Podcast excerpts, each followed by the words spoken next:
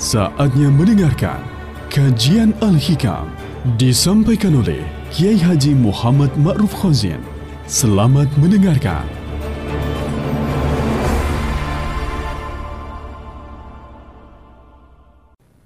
Mitra Muslim yang dirahmati oleh Allah, pada segmen ketiga kita kali ini, kita akan melanjutkan dari makalah Imam Ibnu Atta'illah As-Sakandari Kata mutiaranya adalah sebagai berikut.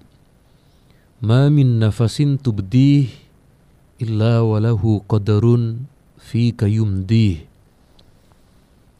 Setiap nafas, setiap udara yang kita hirup, ini telah memiliki takdir dari Allah yang telah ditetapkan dahulu kala sebelum Allah menciptakan kita. Materi ini memang sedikit agak berat dan akan kita ulas dengan bahasa-bahasa kita yang ringan. Begini, kita mengenal dalam akidah tauhid kita, ahli sunnah wal jamaah, yang namanya kodok dan kodar. Apa kodok dan kodar itu? Saya sedikit akan menjelaskan kodok itu dalam satu pendapat ulama kita, baik Imam Ash'ari atau Maturidi, meskipun ada perbedaan istilah dari kedua imam ini, kodok itu adalah rencana Allah dahulu di zaman azali, sebelum adanya kehidupan ini. Itu kodok.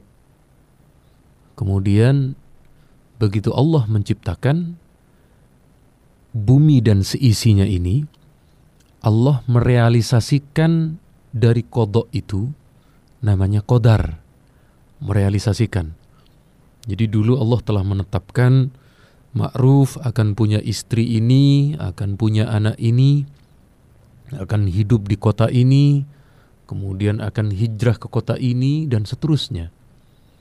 Jadi sekali lagi, kodok dan kodar itu, kalau kodok itu adalah planningnya, perencanaannya dulu, kodar itu realisasinya.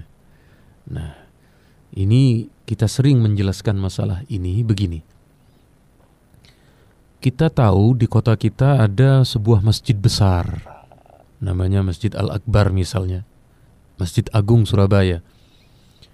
Masjid Agung ketika didirikan itu bukan tanpa perencanaan, tapi ada arsitek, ada yang kemudian mendesainnya, yang menggambarnya secara detail. Tingginya sekian, lebarnya sekian, kemudian tampak dari depan begini, dari atas begini, dari samping, kemudian interior di dalamnya bahan-bahannya ini, kemudian pemilihan teksturnya, pemilihan ornamen-ornamennya, itu namanya planning, perencanaan. Setelah itu direalisasikan. Diletakkanlah peletakan batu pertama. Nah, kemudian konstruksinya mulai dibangun, pondasinya, besi-besinya, kemudian cor-coran dalam bahasa orang kita, mulai dipasang batu bata, tukang semuanya bergerak. Itu namanya realisasi atau mewujudkan dari apa yang telah direncanakan semula. Maka antara kodok dan kodar itu memiliki keterkaitan. Nah, kita ini juga begitu. Sebelum dulu Allah menciptakan dunia ini, Allah telah mendesain, Allah telah membuat perencanaan terlebih dahulu. Ini hanya gambaran, meskipun sekali lagi apa yang dilakukan oleh Allah Maha Suci dari itu ini hanya sekedar memudahkan bahasa supaya kita bisa memahaminya. Maka kemudian setelah Allah membuat kodok itu, bumi, ada lautannya, ada api, ada udara, ada oksigen dan lain sebagainya oleh Allah telah diatur semua, maka Allah merealisasikan satu persatu namanya adalah takdir atau kodar bagi kita. Nah, jadi sekali lagi inilah yang kemudian menjadi sebuah sebuah kalimat dari Imam Ibnu Athaillah bahwa apa yang kemudian ada dalam diri kita, baik itu nafas, baik itu perbuatan, baik apa pun itu yang terjadi di dalam diri kita, itu sudah melalui takdir, sudah melalui keputusan dari Allah. Akan tetapi, kita kemudian sedikit melihat di dalam Al-Quran bahwa kekuasaan Allah yang tanpa batas itu, kekuasaan Allah yang tidak kita ragukan sedikit pun, akan kemudian direalisasikan oleh Allah sesuai dengan kehendak Allah, sesuai kemudian dengan yang namanya kehendak Allah. Kita lihat di dalam salah satu ayat di dalam Al-Quran, dalam surat Ar-Ra'd ayat 39 Yamhullahu ma yasha'u wa yuthbit wa indahu ummul kitab dari kodok yang telah direncanakan oleh Allah itu ada di situ sebagian takdir yang oleh Allah akan dihapus diganti ataukah akan tetap diteruskan oleh Allah wa indahu ummul kitab karena catatan-catatan itu ada pada kuasa Allah. Nah, jadi begini. Jangan kemudian kita berpangku tangan dengan atas nama takdir. Wah, saya ini sudah miskin, ya memang ini takdir saya. Keluarga saya berantakan, ya karena memang sudah takdir. Jangan. Jangan mengeluarkan kata-kata kalimat sepatah apa pun semisal hal itu Kemudian juga kita terkadang ya sudah kalau ini sudah rusak ya sudah sekalian rusak-rusakan saja. Tambah parah kata-kata seperti itu. Maka sekali lagi kemudian Allah memberi peluang di dalam ayat ini dengan kita meminta kepada Allah agar dirubah takdir itu, agar Allah berkenan menjadikan yang terbaik bagi kita.